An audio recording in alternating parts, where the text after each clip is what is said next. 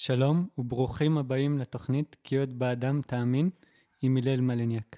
והערב אנו שמחים לארח את דוקטור דרור בונדי, חוקר מחשבת ישראל, המתמחה בהגותו של הרב אברהם ישוע אשל, מרצה במכון שכטר, מכינת עין פרת ובית פרת. ערב טוב, דרור. ערב טוב. תודה שאתה איתנו. תודה. וערב טוב ליונתן הירשברג, דוקטורנט ללימודי ארץ ישראל באוניברסיטת בן גוריון. ערב טוב, יונתן. אה, ערב טוב. דרור, ספר על כמה תחנות מעניינות שעברת בחייך. אמ, אני נולדתי, האמת נולדתי בחיפה, אבל כשהייתי בן שנתיים, ההורים שלי אה, הלכו להשתתף בהקמת מפעל ההתנחלויות ביהודה ושומרון. אה, ההורים שלי הגיעו לשומרון ב-1979. אמ, הייתי אומר עוד בעידן הרומנטי של מפעל ההתנחלויות. אמ, וזה מפעל החיים של ההורים שלי. אני עוד uh, זוכר את הימים שלפני האינתיפאדה הראשונה, שעוד היינו באמת uh, הולכים לפעמים בשבת לכפר הערבי ליד. Um, אבל מה שעיצב אותי בגיל צעיר זאת האינתיפאדה הראשונה. Um, כן, uh, שבי שומרון הייתה, היה יישוב די מבודד, לא היו כבישים עוקפים. כדי לצאת מהיישוב היינו צריכים לנסוע או דרך uh, טול כרם ומחנות הפליטים שלה, או דרך ג'נין, או דרך שכם, ועברה לה ילדות שבה uh, מחוץ ליישוב היה באמת uh, סכנת חיים uh, um, ברוטלית, כן? של אבנים ובקבוקי תבערה. Um, אבל אצלי, כך לפחות ההורים שלי עיצבו את זה, זה עיצב תודעה של אה, מסירות, של אידיאולוגיה, של חוד החנית של הציונות. אה, אני גודלתי בתודעה כזאת. מצד שני, כמובן, היישוב עצמו היה בסופו של דבר יישוב בורגני. אה, מקימי היישוב היו בסופו של דבר אנשים שגדלו בקהילות הדתיות הבורגניות של מרכז הארץ. ולכן אה, בתוך היישוב הייתה אווירה אה, הרבה פחות חרד"לית ממה שיש היום. בחדר ילדותי היו תמונות, שתי, היו תלויות שתי תמונות. תמונה של הרב צבי יהודה, המנהיג הרוחני של גוש אמונים, ושל אייל ברקוביץ', תגלית העונה 1991. הייתי אוהד של מכבי חיפה. זה... והם חיו אחד ליד השני ב... בשלום, כאשר אני הרגשתי שהם בעצם קומה אחת על גבי השנייה. אה, כך גדלתי. העלייה של אה, רבין לשלטון ב-92 יצרה אצלנו שבר מאוד עמוק, כשפתאום כל המאמץ וכל המסירות, כן, הייתי בהלוויה של, אה, אני זוכר, הלוויה הראשונה שהייתי של עופרה פליקס, נערה מאלון מורה ש... נרצחה באבנים, ואח שלה היה בכיתה שלי. אני חושב שהייתי בכיתה ז'. כלומר, היה, היה באמת אה, אה, תחושה מאוד עמוקה של מסירות נפש, ופתאום אה, הוגדרנו כאויבי השלום. אה, וזה יצר, יצר אצלי מתח מאוד עמוק בין הזהות היהודית לזהות הישראלית שלי. אה, זה שנות הנעורים שלי, כלומר, רבין נבחר לשלטון כשהייתי בכיתה ט', ואימא שלי אדם מאוד אידיאולוגי, והשתתפנו בכל ההפגנות, וגרנו שבוע באוהל פה ושבוע באוהל שם, כן, בגן הוורדים, מול, מול, אה, מול הקריה. היינו ממש אה, חיים את ההפגנות נגד אוסלו, אה, ובמובן הזה, רצח רבין היה אירוע מטלטל עבורי. הייתי אומר, בזמן שהחברה הישראלית הופתעה והייתה בהלם מהאירוע, אני הייתי מופתע מזה שהחברה הישראלית הופתעה. בסביבה האידיאולוגית שבה אני גדלתי, אה, רבין אה, תואר בצבעים דמוניים, והוא באמת שמט את הקרקע מתחת לכל מסירות הנפש שלנו. זה באמת קשה לתפוס את זה היום, אבל האמנו בקדושת הארץ, במובן הרב צבי יהודה של המילה. ו, ו, ו, ולכן אה, רבין אה, נתפס, הייתי אומר, כאנטי כריסט, אה, כמי שהוא הולך נגד אלוהים, ובמובן הזה לא הופתעתי מהרצח, אבל כן הופתעתי מזה שהחברה הישראלית הופתעה, מה שיצר אצלי שבר פנימי בין הזהות היהודית לזהות הישראלית שלי. הרגשתי שבמובן מסוים, הזהות היהודית שלי רצחה את הזהות הישראלית שלי, ושהן לא יכולות להמשיך לחיות ביחד. זה, זה השבר המכונן של ה... של ה... ש... שעיצב את, את המשך מסעי בתוך עולם ישיבות ההסדר. ואיך אתה מסתכל על, היום על הרצח ועל התמורות שעברו על הציונות הדתית מאז, והחברה הישראלית? עברתי מאז הרבה תחנות. החיים שלי השתנו באופן עמוק, התפיסות שלי השתנו באופן עמוק. גם אז לא חשבתי שהרצח מוצדק, כמובן. אבל, אה, אבל, אמ, אבל היום אני במקום אחר לגמרי, מבחינה רוחנית, אידיאולוגית. אמ, אני חושב שגם הציונות הדתית עברה שינויים עמוקים אה, בשנים האלה. כן, כל, כל ההכלה של בן גביר בשנים האחרונות אה, היא תופעה שבהתנחלויות שגדלתי בהן אה, לא הייתה עולה על הדעת. אה, הייתה איזושהי תחושה אידיאולוגית, אידיאליסטית, והרבה פחות שיח של גזענות ממה שקיים היום. מה שמדהים, שהשיח הזה התפשט גם למרחבים המיינסטרימים של הציונות הדתית, כלומר, יש פה, יש פה שינוי עמוק שחל גם אצלי וגם אצל המגזר שמתוכו גדלתי. אני, אני היום במשבר עמוק מהבחינה הזאת, של אה, קושי לשוחח עם, ה, עם הערוגה שמתוכה צמחתי. אה, אני מדבר ברמה האישית, המשפחתית, עם, עם חברים, עם האחים.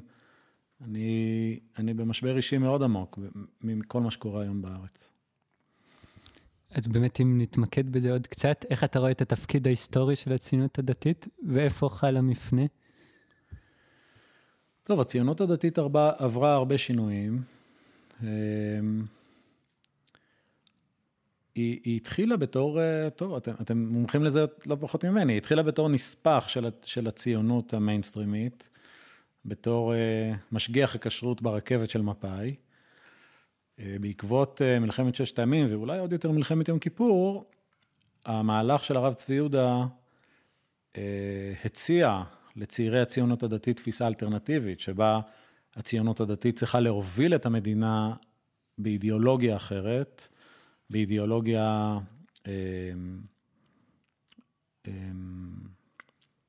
כן, אפשר לומר, משיחית, ו, ו... אבל אצל הרב צבי יהודה עוד היה יסוד עמוק של ממלכתיות. הסיפור של ההתנתקות, כן, יצר שבר עמוק בתפיסה הממלכתית של הציונות הדתית, והייתי אומר שהופנמו תפיסות אה, של הרב גינצבורג, לפיה הציונות הדתית צריכה להחליף את הממלכתיות הישראלית, אה, אה, להוביל מהלכים אחרים. והיום המהלכים שמובלים על ידי שמחה רוטמן וסמוטריץ', אה, הם ניסיון להחליף את, את ליבת, ליבות, ליבת התפיסה של הישראליות. זה שינוי דרמטי שחל בציונות הדתית. אני חושב שהציונות הדתית היום, זה כבר הרבה שנים, מאז, מאז המהלך של הרב צבי יהודה, אה, התחילה בקידוש הציונות, כן? הפיכת הציונות למושג דתי, למושג גאולי, אה, אבל בשנים האחרונות אה, היא כבר אה, לא רק קידשה את הציונות כמושג גאולי, היא עשתה איזו אהלה של הלאומיות, אמ, וכאן אנחנו כבר במחוזות שעל סף אה, גזענות. נמשיך בנתיב הביוגרפי. איזה דמויות השפיעו עליך בנעוריך ובגרותך הצעירה? אני אה, הגעתי בטעות לעולם הישיבות, הסדר, אה, ממש בטעות. הגעתי לישיבת מעלה אדומים בלי להבין לאן אני מגיע.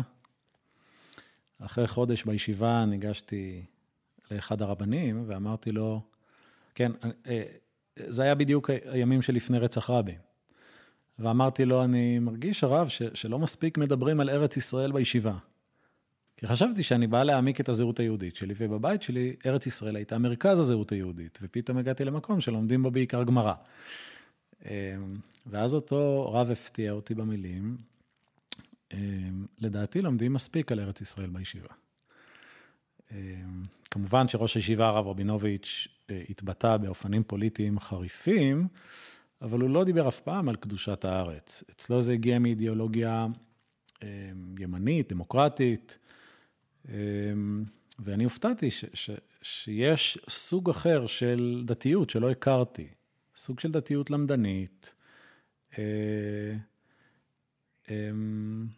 שהמרכז שלה הוא מושגי יסוד של ההלכה, ולא חוויות אה, אידיאולוגיות משיחיות, כמו שאני גדלתי עליהן. ואז אה, אותו רב אמר לי, תשמע, אם, אם לדעתך לא לומדים מספיק בישיבה על ארץ ישראל, תמצא לך חברותא ותלמד איתה. אז ניגשתי למי שהיה לו ספרים של הרב קוק על השולחן, כי חשבתי שהרב קוק וארץ ישראל הם היינו הך, כך גדלתי. ואז אותו בחור אמר לי, תשמע, אני בדיוק לומד uh, מאמר של הרב קוק, דעת אלוהים, תצטרף אליי. Uh, זה מאמר של הרב קוק שמתעסק בשפינוזה, בקאנט, וכך בטעות נקלעתי לחבורה אינטלקטואלית של uh, כופרים, uh, במרכאות, בישיבת מעלה אדומים. שבעקבות רצח רבין, ההשתלבות שלי בתוכה אה, הובילה אותי ל, ל, למסע של הפנמה של חשיבה ביקורתית. כמובן, אחד הדברים שקיבלתי גם מהישיבה, זו ישיבה למדנית, זה היכולת להבחין בין פשט לדרש. להצליח לקרוא טקסטים באופן ביקורתי. הטקסטים היו בעיקר טקסטים של גמרא, אבל אה, חונכתי, קיבלתי חינוך מחדש. קיבלתי חינוך על החשיבות של האינטלקטואליות. אה, קיבל, פגשתי מורים גדולים למחשבת ישראל ולתנ"ך. אה, ו, וכך בתוך עולם הישיבות הלכתי ופיתחתי, גם בעקבות רצח רבין, איזושהי תודעה ביקורתית ביחס לציונות הדתית האידיאולוגית משיחית שגדלתי בה, וגם פגשתי חבורה, חבר'ה שפתאום דיברו בשפה אחרת לגמרי מהשפה שבה גדלתי. אמ, עד שבסוף הגעתי אל הרב שגר. תספר על המפגש איתו ועל המעבר לשיח יצחק. כן, אז עוד לא קראו לו שיח יצחק. אמ, אנחנו התקבצנו אל הרב שגר, חבורה של אנשים, אני לא מהדור הראשון של הישיבה, הייתי אומר אני מהדור השני. אה, אבל פגשתי הרבה חבר'ה מהדור הראשון, התקבצנו חברה, חבורה של אנשים שהרגישה שמשהו חסר בעולם הישיבות המיינסטרימי הציוני-דתי, משהו חסר מכל הבחינות. הרב שג"ר אה, פתח אותנו לשאלות שלא ידענו שאפשר לשאול. גם אה, לימוד ביקורתי של הגמרא, גם פתיחות רוחנית לספרות חסידית, וגם פתיחות לפילוסופיה מערבית מודרנית, הייתה לי בישיבה חברותא בקירקיגור, מה שלא יעלה על הדעת בישיבה, בישיבות, בישיבות המיינסטרים. אמ, אבל לא התחברתי לתשובות של הרב שגר, כך שיצאתי ממנו בעיקר יותר שבור ממה שנכנסתי. עם המון שאלות, עם המון חידוד של ביקורתיות, שהפכה לא רק ליכולת לקרוא טקסטים באופן ביקורתי, אלא לתודעה הביקורתית עצמה, הפוסט-מודרנית. אמ, אני יצאתי, אני יצאתי מפורק מהמפגש, מישיבת שיח. ומה היו הטקסטים המכוננים עבורך באותם שנים? אמ, כמו שאמרתי, התחלתי עם הרב קוק, בעיקר עם הטקסטים הרוחניים שלו, הפילוסופיים שלו. אחרי זה עברתי לרב סולובייצ'יק. אמ, המסע הקלאסי בתוך, בתוך אה, המקורות הפילוסופיים של הציונות הדתית. אה, את, את, אה, באמצעות הרב שגר ותלמידיו, הלכתי ונחשפתי יותר לטקסטים חסידיים, רב צדוק, רב נחמן, אה, מחשבות אה, אחרות, רוחניות יותר, רדיקליות יותר. ומתי ואיך נפגשת בהשל? טוב, יש פה עוד שלב חשוב שצריך לעבור. אז יצאתי מפורק מה, מהסיפור הזה בסוף של עולם הישיבות, והרגשתי שמחשבות ביקורתיות לא הולכות לכיוון יצירתי. גם אה, אדם שמאוד הושפעתי ממנו התגרש באותם שנים, וזה זעזע אותי. אה, ו...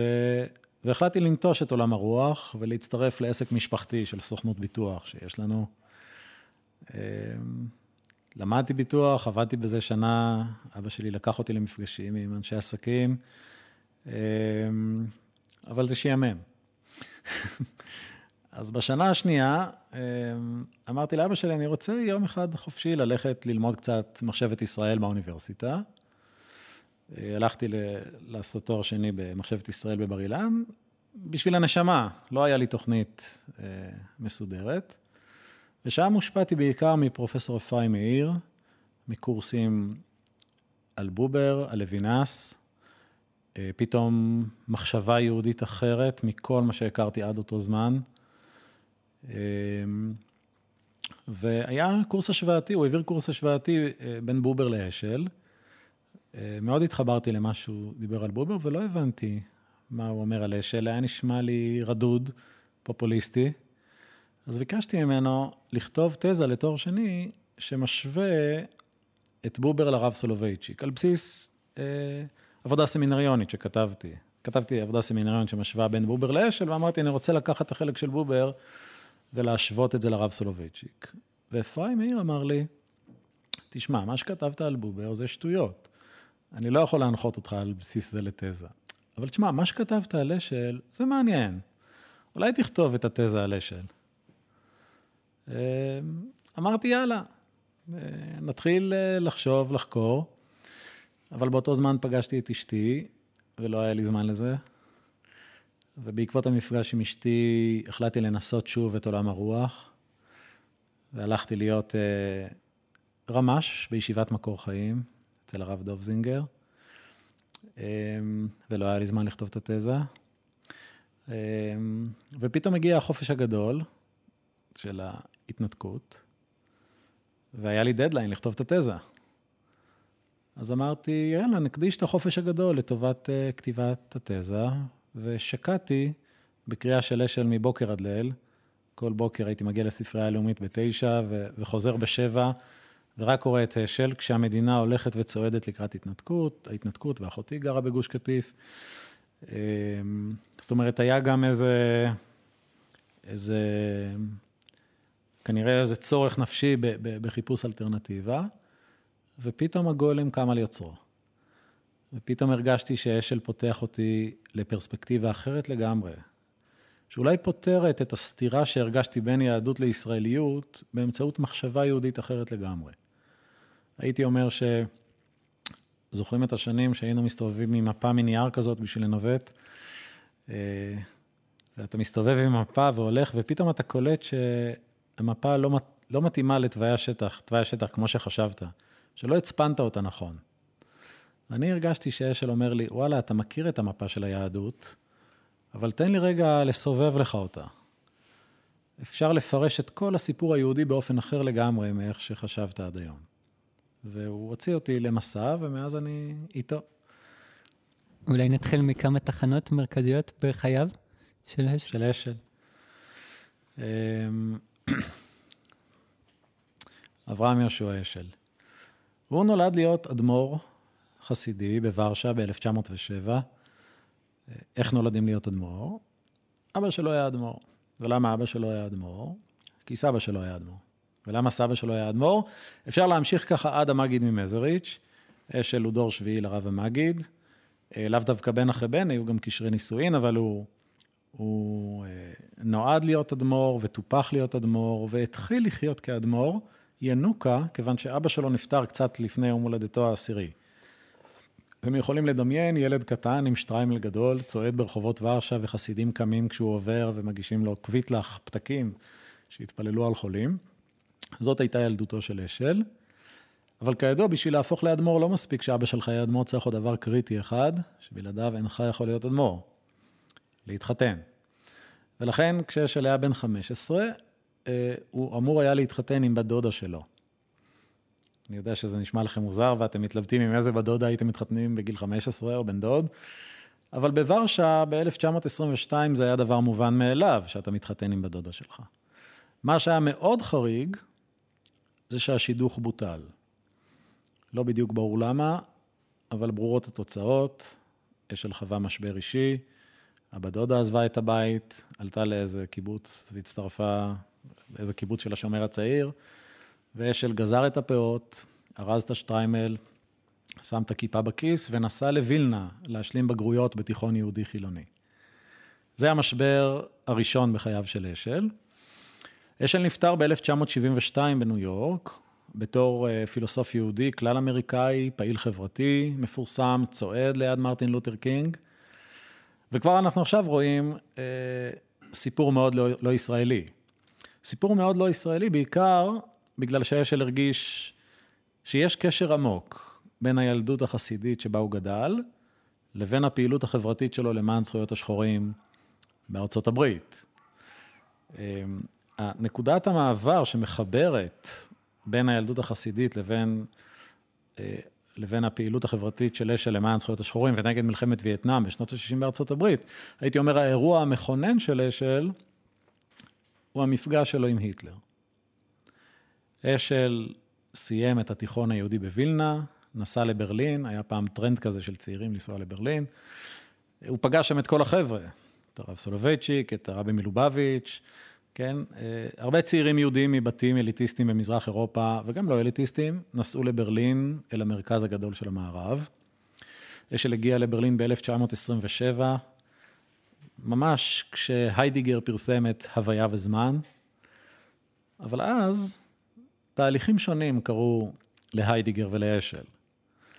אשל הלך והתפתח כסטודנט בתוך האקדמיה הגרמנית, ואילו היידיגר הלך והתפתח כנאצי, כפילוסוף נאצי בתוך האקדמיה הגרמנית, כך שכשאשל הגיש את הדוקטורט שלו בדצמבר 1932, כבר היה, כבר היה מדובר בגרמניה אחרת לגמרי. אני, קשה לי לדמיין איך זה לחיות במדינה שהולכת ונהיית לפשיסטית ועוד נגדך.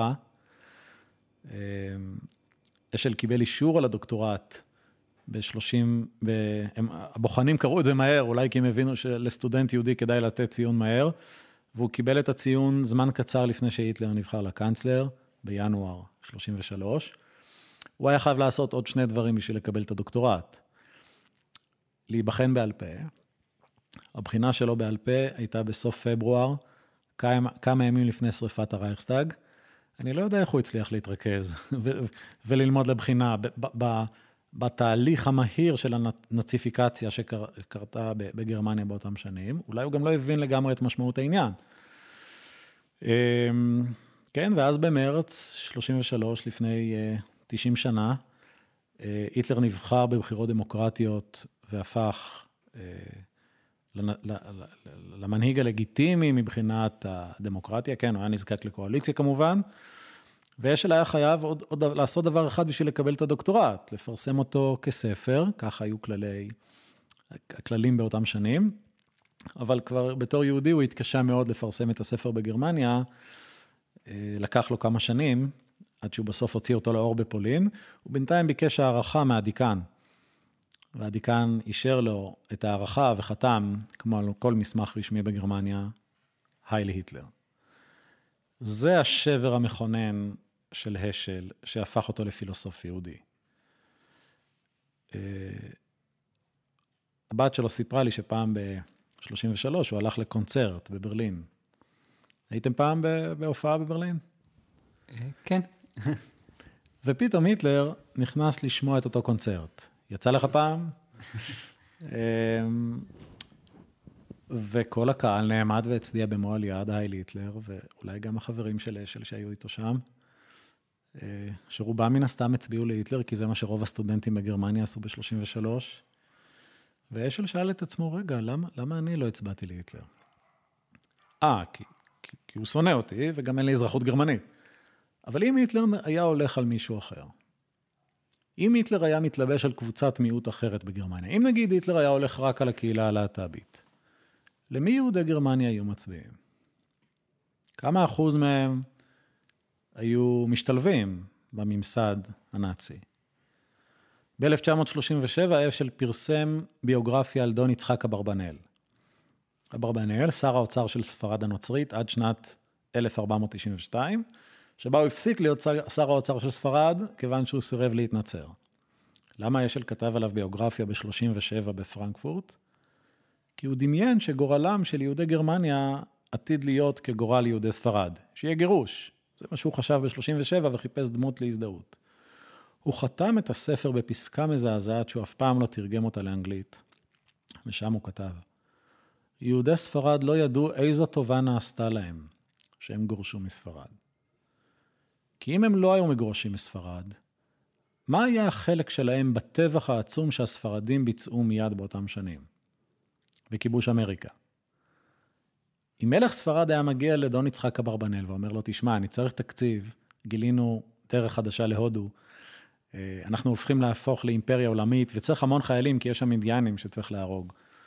תוך 50 שנה אני חושב שהספרדים רק בהאיטי חיסלו כמיליון אינדיאנים. מה דון יצחק אברבנאל היה אומר? יהודי לא רוצח אינדיאני? או שהוא היה ממשיך לכהן כשר האוצר של ספרד ומשתלב בתוך הממסד, וממשיך להשתלב בתוך הממסד הספרדי. השל חתם את ספרו באמירה קשה כלפי יהודי גרמניה, ברמז קשה. יש לנו מזל שהנאצים שונאים אותנו, כי אם הנאצים היו מתלבשים על מישהו אחר, אולי אנחנו היינו משתפים איתם פעולה. ועדיף להיות נרדף על ידי נאצי מאשר לשתף פעולה עם נאצי. זה הרגע המכונן של אשל כפילוסוף, שגרם לו להיות פילוסוף יהודי שמבין שהאתגר בעקבות השואה הוא לא איך להציל את היהודים ולהקים לנו מדינת לאום, אלא איך להציל את העולם המערבי מעצמו. איך, איך לא להפוך לנאצי. איך, כן, הוא גזר את הפאות, ארז את השטריימל, שם את הכיפה בכיס, נסע לברלין, ופתאום המרכז של המערב, המרכז האינטלקטואלי והתרבותי של המערב, בתוכו קמה המפלצת הנאצית, ואולי היהודים עלולים היו גם להיות שותפים. אז מה תפקידי כיהודי לנוכח עליית הנאצים? תפקידי הוא להציע פרספקטיבה אחרת לכל בני האדם המערביים, שמתוכה תיווצר מחויבות מוסרית, הומניסטית, עמוקה יותר למאבק בגזענות. תפקידה של היהדות אינו לחשוב איך היא ממשיכה לשרוד כקבוצה אתנית או כמסורת דתית. תפקידה של היהדות הוא להציע פרספקטיבה אחרת על הקיום, מקור השראה אחר למחויבות מוסרית. זה סוג הפילוסוף של נהיה, וזה הרגע המכונן שהפך אותו לפילוסוף. הוא נעצר על ידי הנאצים ב-38, על ידי הגיסטאפו, גורש לפולין, קיבל ויזה אמריקאית בסיפור מפתיע ביותר, חודש וחצי לפני פרוץ המלחמה, וכך ניצל והגיע, זו ויזה שהתנועה הרפורמית סידרה לו, לארצות הברית, אמ, ושם הפך לפילוסוף אה, יהודי משפיע על החברה האמריקאית בכלל, אה, ומעורב מאוד במאבקים למען זכויות האדם. הוא היה מיודד גם עם מרטין לותר קינג. כן, זה המפגש השני החשוב בחייו. זה המפגש שתיקן את המפגש עם היטלר. המפגש החזק בין אשל למרטין לותר קינג נבע מזה ששניהם היו, קודם כל, ואולי זה הדבר החשוב ביותר להבין לגבי מרטין לותר קינג, מנהיגים דתיים. מרטין לותר קינג חולל מהפכה חברתית בארצות הברית מתוך חוויה דתית והשראה דתית. כן? בניגוד למהפכה הפמיניסטית שהתחוללה באותם שנים, ואני חושב הייתה חילונית במהותה. בהכרזת העצמאות האמריקאית כתוב, כל בני האדם נבראו שווים. והמהפכה הפמיניסטית חידשה חידוש גדול, אני לא יודע אם אפשר לומר את זה עדיין היום, שגם אישה היא בן אדם. כן, זו מהפכה חילונית, הומניסטית, היא מגדירה אחרת מהו אדם. מרטין לותר קינג חולל מהפכה אחרת לגמרי. כתוב, כל בני האדם נבראו שווים. ואם מנסחי הכרזת העצמאות האמריקאית, כשהם כתבו כל בני האדם נבראו שווים, חשבו רק על גברים לבנים בעלי אדמות פרוטסטנטים, ורק האנשים האלה נבראו בצלמו של אלוהים, הם בעצם האמינו באל לבן. מרטין לותר קינג חידש חידוש גדול לארצות הברית, שאלוהים לא לבן. שכל בני האדם נבראו שווים, משמע שלאלוהים אין צבע. וכשאשל פגש אותו, פתאום הרגיש שזה באמת החלום שלו. לנסח אה, מאבק למען זכויות האדם או חובות האדם כלפי רעהו, מתוך פרספקטיבה רוחנית, דתית, תנכית. אחד הדברים החזקים מבחינת אשל במרטין לותר קינג, זה שמרטין לותר קינג התרכז בעיקר בברית הישנה, בסיפור התנכי של יציאת מצרים, Let my people go. כלומר, נוצרה פה שפה משותפת בין אנשים כל כך שונים. רבי חסידי לשעבר, שמחפש את דרכו הרוחנית, ורווי במקורות היהדות ומנסה לפרש אותם כמקורות השראה למאבק למען זכויות האדם או חובות האדם, וכומר, שחור, בפטיסטי, כן? שעושה מהלך דומה בתוך המסורת הדתית שלו.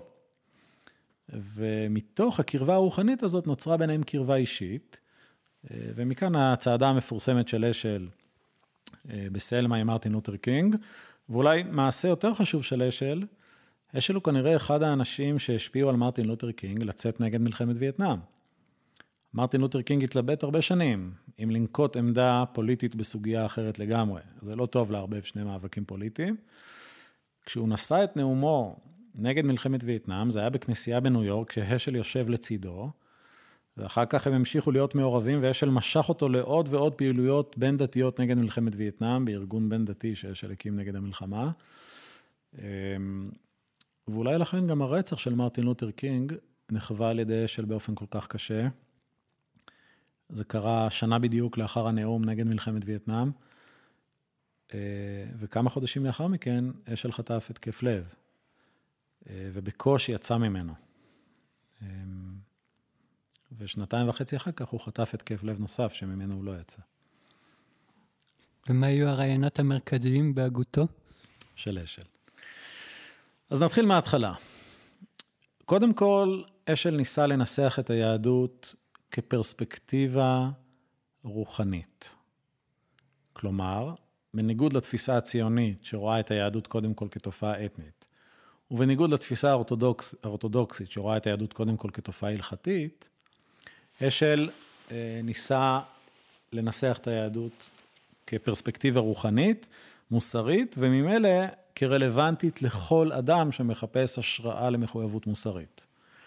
קהל היעד של אשל, כפילוסוף יהודי, הוא לא רק יהודים, כן? אלא כל אדם שמחפש מקור השראה אה, חדש למחויבות מוסרית, מקור השראה רוחני. אה, זה קודם כל הבסיס של הכיוון שלו. החידוש הדרמטי שלו אמ, הוא איך עובד הקשר עם אלוהים בתוך הסיפור הזה. הרבה מתולדות המחשבה המערבית נעוצות בכך שהאדם הוא סובייקט.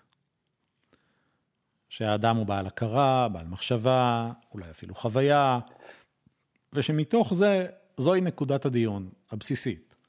של תורת ההכרה, של האתיקה, האדם במרכז, רעיון שהלך והפך למרכזי עוד יותר בעידן המודרני. אה, השל הרגיש שהאדם לא יכול להוות מקור בטוח מספיק למאבק המוסרי. האדם נכשל. גרמניה הפכה לנאצית, ולכן אשל ניסה לקדם סוג אחר של מחשבה. אה, הייתי קורא לזה אה, פרספקטיבה הורית. למה לא לרצוח בן אדם אחר? מה מקור תחושת השוויון עם הזולת? אה, אשל ניסה לספר סיפור על עמידה לפני אלוהים כמקור השראה לתביעת הצדק ותחושת השוויון. למה הדבר דומה? למה כשאני מסתכל על אח שלי אני מרגיש מחויבות עמוקה, שוויון עמוק, במצב ראוי של אחווה? מה מקור תחושת האחווה? אשל טען שמקור תחושת האחווה הוא בפרספקטיבה של ההורים שלנו. כשאני מרביץ לסתם חבר, זה כואב לו, אולי וכואב לי שכואב לו. כשאני מרביץ לאחי, אני מרגיש שזה כואב לאבא ואמא בבטן. אני מרגיש איזו פרספקטיבה אחרת על הקשר. זה מזכיר לי שפעם הייתי צריך לנסוע לאיזה אירוע משפחתי בצפון, הייתי סטודנט ירושלמי והתקמצנתי להוציא את הרכב. ואז אחותי מאזור המרכז התקשרה אליי ושאלה, אולי אני יכול לקחת את הרכב ולאסוף אותה. אז אמרתי לה, תשמעי, התכוונתי לנסוע בתחבורה ציבורית, אני חוסך כל שקל, אם את רוצה שאני אוציא את הרכב, נתחלק בדלק. fair enough? כשאבא שלי שמע את זה, הוא חטף קריזה. אתה לוקח כסף מאחותך? כן, להורים יש איזושהי ציפייה מאיתנו שנתנהג ברמת סולידריות אחרת עם האחים שלנו. ואשל ניסה לדבר על הפרספקטיבה של אלוהים כהורה שתובע מבניו שוויון על בסיס סולידריות, על בסיס הציפייה ההורית שלו שכל בניו שנבראו בצלמו ינהגו באופן שוויוני אחד כלפי השני. ולב הפילוסופיה שלו הוא ניסיון לנסח את החוויה הדתית הזאת, שבה אלוהים הוא לא מקור להעצמה הזהותית שלי, כמו שבדרך כלל עובד, כן? מי הוא האלוהים הישראלי? איך אלוהים, איך המילה אלוהים מתפקדת בתרבות הישראלית? בדרך כלל, כשאתה לוקח ישראלי ממוצע ומנתח מה עובר לו בראש כשהוא משתמש במילה אלוהים, בין אם הוא מאמין בקיומה של הישות הזאת ובין אם לא, ואז מעלה את זה כשחקן תיאטרון על הבמה. איך האלוהים הישראלי נראה? ברור שמדובר בגבר, מבוגר, עם זקן וכובע, ביד אחת הוא מחזיק את דגל ישראל, אה, כי הוא, כי הוא פטריוט, וביד השנייה הוא אזוק לשולחן, לשולחן ערוך. הוא מחויב להלכה. אם יש הפגנה במוצאי שבת בכיכר רבין, אלוהים לא יבוא להפגנה, כי הוא ירושלמי, הוא שומר שבת, ונושאים של צדק חברתי בכלל לא מעסיקים אותו, וזה גם לא החבר'ה שלו. אמ, אשל ניסה, אה, למה? כי, כי אלוהים בדרך כלל מתפקד בתרבות האנושית כמקור להעצמת הזהות שלי. כשחייל אה, נוצרי וחייל מוסלמי עומדים אחד מול השני בשדה הקרב וצועקים אלוהים תעזור לי, כל אחד אה, בונה אלוהים בצלמו ובדמותו. המוסלמי מאמין בעצם שאלוהים בעד המוסלמים, והנוצרי מאמין שאלוהים בעד הנוצרים. והישראלים מאמינים שאלוהים בעד הישראלים. בין אם הוא קיים ובין אם לא קיים, כך המילה אלוהים מתפקדת בתרבות. אלוהים בעד הימנים, הוא בעד הגברים, הוא בעד הדתיים, הוא בעד הסטרייטים. אלוהים הוא מקור להעצמת הזהות. אשל ניסה לנסח סוג אחר של חוויה דתית, סוג אחר של אלוהים, לפיו אלוהים הוא לא מקור להעצמת הזהות שלי. אני לא בורא אותו בצלמי ובדמתי, ובדמותי, אלא אלוהים הוא מקור לפתיחה לרגישות אחרת, למחויבות אחרת, לסולידריות אחרת. אלוהים הוא מי שכשאני עומד למולו, אני שומע את התביעה שלו, את התביעה ההורית שלו לאחווה. הוא גורם לי להתבונן בחיים מנקודת מבט אחרת, כמקור לתביעה אתית רדיקלית. זה על רגל אחת הלב של ההגות שלו. ומה היה יחסו למיסטיקה ותפילה? אה, מיסטיקה זה מושג שצריך קודם להגדיר אותו. אם מדברים על מיסטיקה במובן של חוויית האחדות, מה שנקרא אוניו-מיסטיקה, אשל התנגד לזה. הוא ניסה לנסח חוויה דתית דיאלוגית של מערכת יחסים. לפעמים משתמש בדימוי של הורה וילד, כמו שאמרתי מקודם, לפעמים בדימוי הזוגי. השיח התנ"כי הוא לא שיח על היבלעות באחדות האלוהית, על התמזגות באחדות האלוהית, אלא על דיאלוג עם אל שאכפת לו. עם אל שאתה נפתח לנקודת מבטו, לתביעה שלו, לפרספקטיבה שלו. ולכן אשל התנגד באופן עקרוני למיסטיקה, וניסה לנסח חוויה דתית אחרת. ושאלת על עוד מושג, על יחס שלו לעוד תופעה? התפילה. אה. ממילא, גם התיאור שלו את התפילה הוא כזה.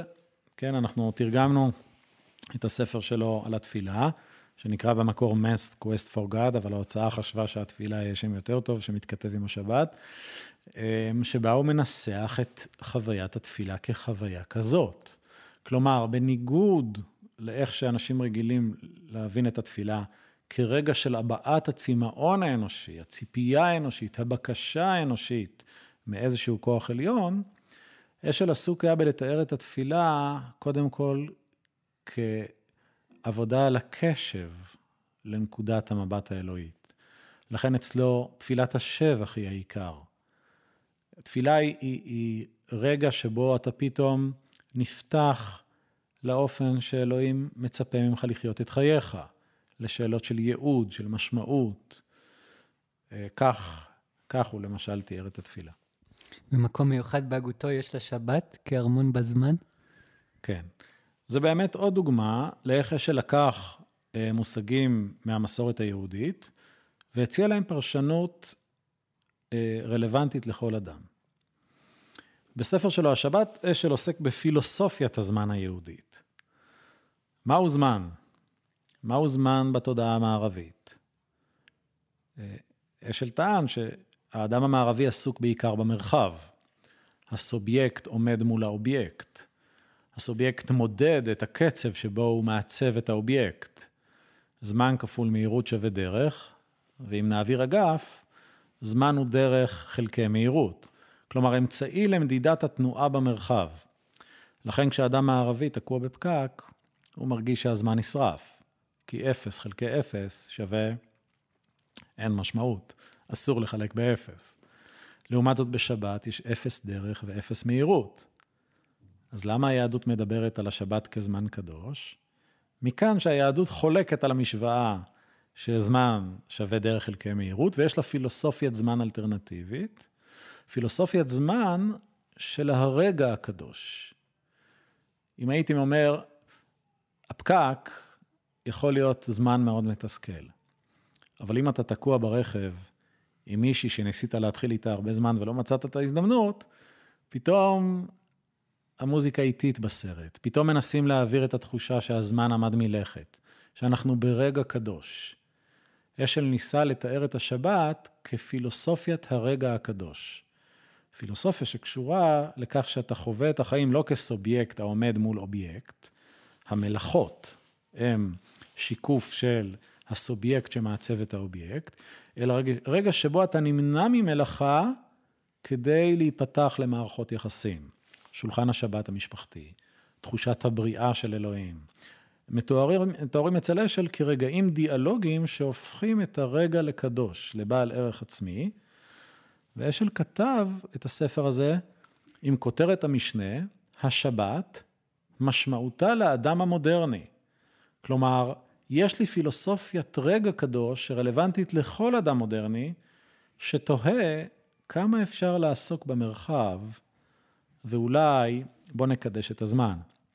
ב-62, קנדי הזמין את אשל לדבר על זה בבית הלבן, בהקשר של בעיית הפנסיה. למה אנשים בפנסיה נכנסים לחוסר משמעות?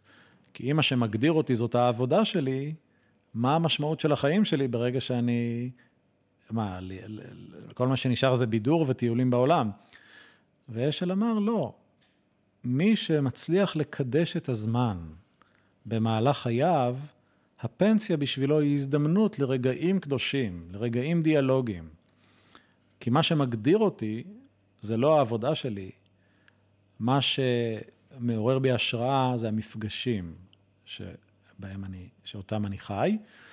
אה, אגב, הספר יש בו גם אמירה ביקורתית כלפי הציונות, כי להגיד ב-1951 שעיסוק במרחב זו תופעה לא יהודית, והבשורה של היהודות, ליהדות לעולם היא לחוות רגע קדוש, זה, זה עקיצה כלפי, כלפי העיסוק הציוני במרחב, והטענה הציונית שהיהודי הנודד אין לו, כף, אין לו מנוח לכף רגלו ולכן הוא, הוא לא נורמלי, אשל אומר לא, אנחנו לא נורמליים, כי הבשורה שלנו היא רגע קדוש ולא שליטה במרחב.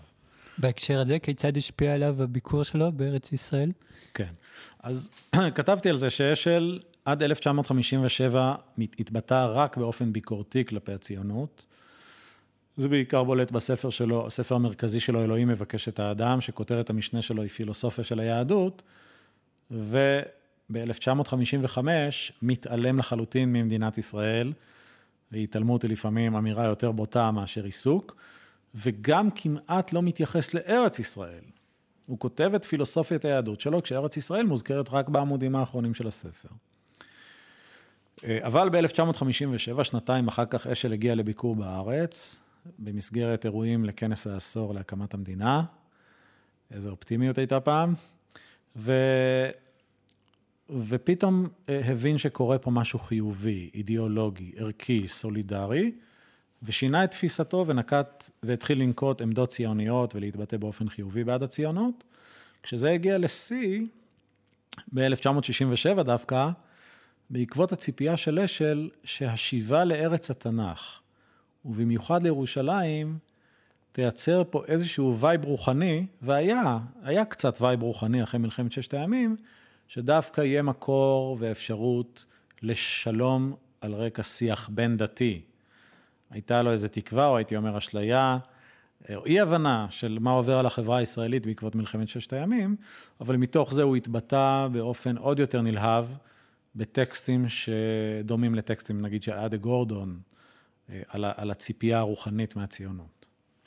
ועד כמה הוא מושפע מבובר ורוזנצוויג ורעיונות שפרחו באמריקה בשנות ה-50 וה-60? כשאשל נשאל על זה, הוא טען שהוא לא מושפע מבובר, אלא ששניהם מושפעים מאותו דבר. אמ, היה לו שיח מתמשך עם בובר, שהתחיל במפגש מאוד בעייתי. אה, בובר פסל את הדוקטורט של אשל לפרסום, אבל אחר כך נוצר ביניהם קשר, ואשל נהיה מורה בבית המדרש של בובר, ומונה אחר כך, כשבובר עלה ארצה, הוא מינה את אשל במקומו לראש בית המדרש.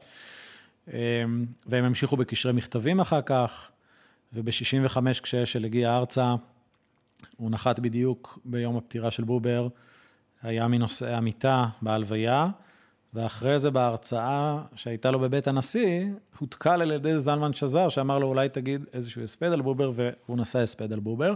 כלומר, יש פה באמת מערכת יחסים מעניינת בין שני אישים שיש ביניהם קרבה הגותית, אבל אשל טען ש- שהם קרובים בגלל ששניהם מנסים לעשות תרגום של החסידות לשפה מודרנית. ולכן זה שורש הקרבה הרוחנית שלהם. אבל אשל אה, היה שונה מבובר מכמה בחינות, אה, גם בגלל שאצל בובר אלוהים אינו פרסונלי, ואילו אצל אשל הדיאלוג מתרחש עם אל פרסונלי, ולא רק, ש... ולא רק אלוהים שורה בתוך הדיאלוג, או משהו כזה כמו אצל בובר, האתה הנצחי. והבדל נוסף, שאצל אשל יש מקום להלכה, אה, ואצל בובר אין. בובר ראה בהלכה איזה סוג של קליפה, ואשל חשב שההלכה היא לא האידיאל של היהדות, אבל היא כן אמצעי חשוב. אה, שוב, זה קשור לזה שאם, שאם מעניין אותך דיאלוג עם אלוהים, ממילא יש מקום בהגות שלך למצוות שבין האדם למקום. אה, ולכן, על רגל אחת, זה אה, שני הבדלים יסודיים בין אשל לבובר. אשל המליץ לתלמידיו לקרוא את רוזנצוויג, אבל אין לו התייחסויות ישירות לרוזנצוויג, למרות שאני חושב שקיימת קרבה מאוד מעניינת ביניהם, שאני חושב שלא נחקרה עד היום, אה, ושווה מחקר. אה, כל הרעיון, כן, אצל, אצל רוזנצוויג באיזשהו מקום, יש דיאלוג עם אלוהים.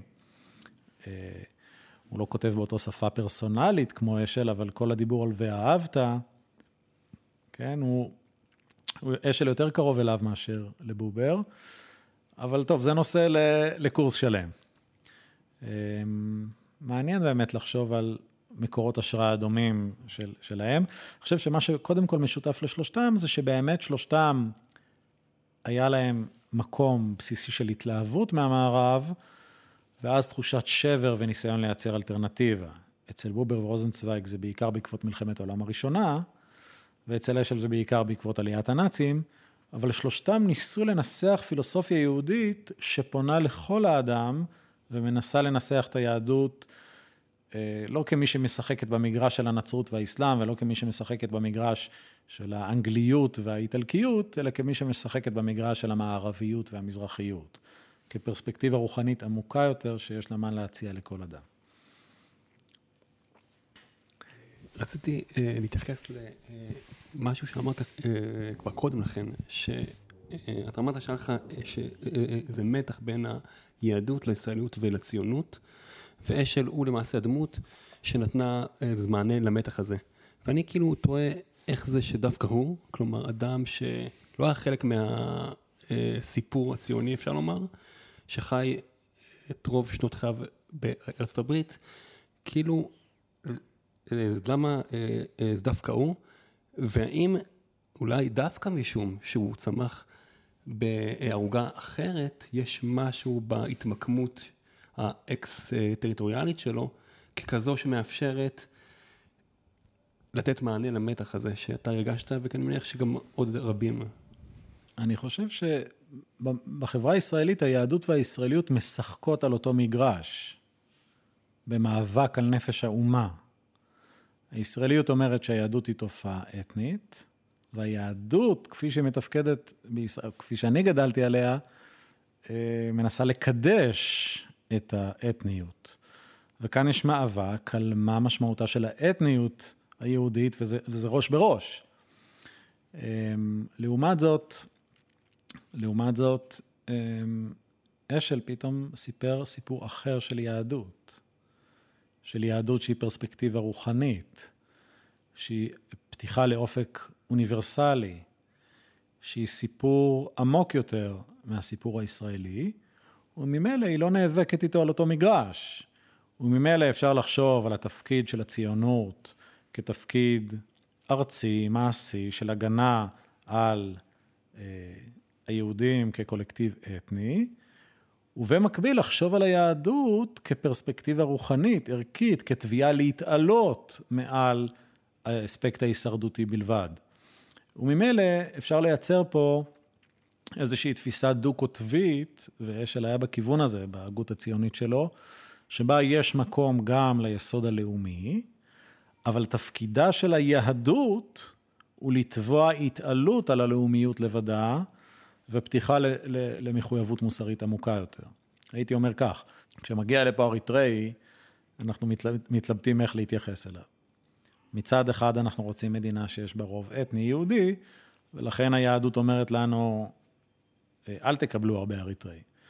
מצד שני, אנחנו בני אדם, והתודעה ההומניסטית אומרת לנו, אה, הוא נרדף, הוא פליט, בואו נראה איך אפשר לעזור לו כבני אדם. אצל אשל זה הפוך. התודעה האנושית אומרת לי, אל תקבל אותו, כי כל עם רוצה לבנות את הזהות שלו, את האתניות שלו וכולי. אבל, אבל אז אני נזכר שאני יהודי. ואיך יהודי יכול לגרש זרים? הלא כל בני האדם נבראו בצלמו של אלוהים. הלא הסיפור היהודי הוא ברית עם מי שברא את כל בני האדם בצלמו. אז דחייה של האריתראי תהיה התכחשות לאתוס המכונן של היהדות, כן? ובמובן הזה, אה, זה, זה, זה אשל מהווה מקור השראה אחר לאיך היהדות יכולה לתפקד בחברה הישראלית. מתוך נקודת מבט זו, איך אשל היה תופס את המצב האקטואלי בזמננו כיום, ואיזה פתרונות הוא היה מציע? אני חושב שהוא באמת היה מנסח ביקורת יהודית כלפי אה, תהליכי החקיקה של הממשלה, ואני חושב בעיקר נגד פסקת ההתגברות. פסקת ההתגברות משקפת פילוסופיה שאומרת שדמוקרטיה היא שלטון העם, והעם בא לידי ביטוי בידי הרוב. והרוב, רוב העם, הוא המקור למה הוא צודק ומה הוא חוקי. כן? ופתאום בית משפט עליון בא בשם איזה ערכים שהעם לא בחר בהם, ומי אמר שהערכים האלה הם אלה שצריכים לקבוע ולא מה שרוב העם בוחר. אבל אצל אשל, היהדות היא אמירה שיש מקור לתביעה ערכית שהוא לא העם, וזה אלוהים. אלוהים הוא מקור לתביעת השוויון, הוא מקור לתביעת הצדק. ואם רוב העם מחליט אה, משהו שהוא אנטי שוויוני, אז היהודי אמור להתקומם ולהגיד, רוב העם הוא לא הקריטריון הבלעדי אצלי למה צודק ומה חוקי, אלוהים הוא אנטי גזעני. אז איך יעלה על הדעת ש... לאפשר לרוב העם לקבוע חוק גזעני? זו, זאת, זאת תהיה מדינה לא יהודית. לא שהיא תהיה מדינה לא דמוקרטית. מדינה ש, שהיא גזענית היא מדינה לא יהודית, היא עומדת בסתירה לברית הבסיסית עם מי שברא את כל בני האדם בצלמו. כן, ובמובן הזה אשל אה, מביא איזו פרספקטיבה ושיח שבכלל לא קיים היום בחברה הישראלית. אה, באיזשהו מובן, יש איזו הסכמה כזאת בחברה הישראלית, שככל שאני יהודי, אני תומך בפסקת ההתגברות, וככל שאני ליברלי, אני מתנגד אליה. אבל אצל אשל זה הפוך. המקום היהודי הוא מקור לתביעת צדק עצמית, לערך העצמי של הצדק, אה, שרוב העם לא יכול להתגבר עליו. כי אז רוב העם אה, ילך כנגד היהדות. הייתי אומר ככה, אם רוב העם היום יחליט שיש מצווה לאכול חזיר ושאסור לצום ביום כיפור, מה היהודי יגיד? אני לא מקבל את הכרעת רוב העם. החוק הזה עומד בסתירה ליהדות. אבל אם רוב העם יחליט שמותר למנהיג לקבל מתנות, או שמנהיג אה, שנבחר ברוב העם יכול לכהן כשר למרות שהוא שיקר לבית המשפט. האם היהודי יתקומם ויגיד, רגע, רגע, היהדות לא מוכנה לקבל את זה. המקום היהודי שבי לא מוכן לקבל את זה. כתוב, צדק צדק תרדוף, כתוב, לא תיקח שוחד. מי שרק עונה בחיוב לשאלה הראשונה ואומר, לא יעלה על הדעת שרוב העם יחליט שאסור לצום ביום כיפור, אומר שהיהדות אצלו היא תופעה הלכתית שרירותית, שתפקידנו הוא לשמר אותה, אבל היא לא מקור לפרספקטיבה ערכית. מי שעבורו היהדות היא פרספק... מקור לפרספקטיבה ערכית, לא יכול לקבל את העליונות של פסקת ההתגברות על, עקרונו, על עקרונות היסוד שנובעים מהברית עם מי שברא את כל בני אדם בצלמו. אני חושב שזאת הייתה עשויה להיות נקודת המבט של אשת. ומה החזון שלך לפתרון המשבר ולצעדים שאנו צריכים לעשות כחברה?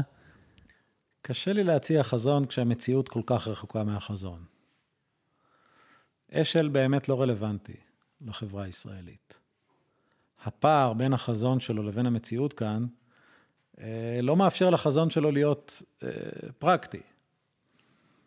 אבל אני מאמין שאשל הולך לחולל שינוי עצום בחברה הישראלית, תוך שלוש או ארבע מאות שנים. כלומר, אה, הוא מציג איזו אלטרנטיבה, איזו פרספקטיבה אחרת, ואישית אני חושש שאולי החברה הישראלית תיפתח לפרספקטיבה אחרת רק אחרי שהיא תעבור משבר וזעזוע וקרע. קשה, אנחנו עומדים בפני תקופה מאוד מאוד קשה, אבל לפעמים אלטרנטיבות נוצרות אה, כשאנשים מרגישים שהם הגיעו לאיזה, לאיזה שבר. הייתה לי הרבה שנים תקווה שהמחשבה של אשל תפתח אופק חדש עבור המגזר הדתי, ש, שעבר שבר גדול בהתנתקות. לצערי, במקום להיפתח למחשבה של אשל, רובו, רובו מושפע יותר מה, מהרב גינצבורג. אבל, אבל קרה פה שבר, והשבר הזה יצר שינוי בחברה מסוימת. אני, אם יש בי מקום אופטימי, שאלו פעם את אשל אם הוא אופטימיסט, אז הוא אמר, I am an optimist against my better judgments. אם יש בי מקום אופטימי, זה שבאמת מתוך השבר הזה שאנחנו הולכים לעבור, ולצערי אני חושש שאנחנו הולכים לעבור אותו באופן מאוד קשה, ייפתח צורך לאיזה מחשבה אלטרנטיבית על היהדות. שגם הציבור הליברלי החילוני וגם הציבור המסורתי והדתי אה, ייפתחו להבנה שחלק מהותי ממקור הבעיות והשסע בחברה הישראלית הוא הפרשנות הצרה שאנחנו נותנים ליהדות. ושיפתח צורך וחיפוש לפרשנות עמוקה ורחבה יותר של היהדות, ואז אשל ואולי עוד הוגים.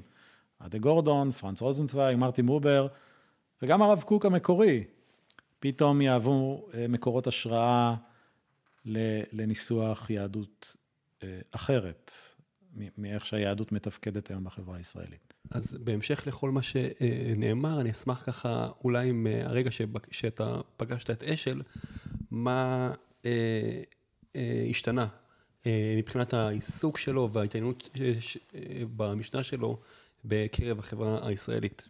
כן. אני חושב שעוד ועוד ישראלים קוראים מאשל ועוד ועוד ישראלים מושפעים מאשל. אני חושב שב-15 שנה האחרונים זכיתי להביא את אשל לאלפי ישראלים. הם לא נספרים כשסופרים מנדט בבחירות. אבל לאט לאט עוד ועוד אנשים נפתחים ומחפשים אלטרנטיבה, ואני מקווה שלאט לאט אה, אשל ייכנס לחברה הישראלית. לסיום, תוכל לספר על ההצגה שעלתה זה מכבר על ליל הסדר של השל? אה, כן, זה מאוד מרגש אותי, שפתאום כל המחשבות האלה עובדו למדיום של התיאטרון. דוקטור יזהר אס סגן יושב ראש ההסתדרות הציונית, יזם את העלאת ההצגה, וגייס צוות מדהים של יוני אילת, הבמאי, וערן שביט, המחזאי, שביחד יצרו, לקחו את כל הפילוסופיה הזאת של אשל ויצרו ממנה הצגה. שמועלית כהצגת יחיד מדהימה של שחקן בשם רודיה קוזלובסקי, שפשוט משחק את כל הדמויות השונות של אשל לאורך חייו, ומנכיח את האמירה הפילוסופית העיקרית שלו, שאני חושב שמאוד רלוונטית בימים האלה. היא הצגה שאפשר להזמין אותה, והיא עולה בהר הרצל באופן קבוע לקבוצות נוער שמגיעות להר הרצל. אבל גם אפשר להזמין אותה, קהילות, וההסתדרות הציונית מסבסדת את זה, ורודיה קוזלובסקי מגיע לכל מתנ"ס או לכל בית כנסת, אמ, ופשוט מקים את השל לתחייה ומפגיש את ההגות שלו באופן חזק ועמוק, אה, מציע אותה לחברה הישראלית. תודה רבה לך, דוקטור דרור בונדי. תודה לכם. תודה גם לדולב סלומון על העריכה וההפקה, וליונתן הירשברג, ערב טוב.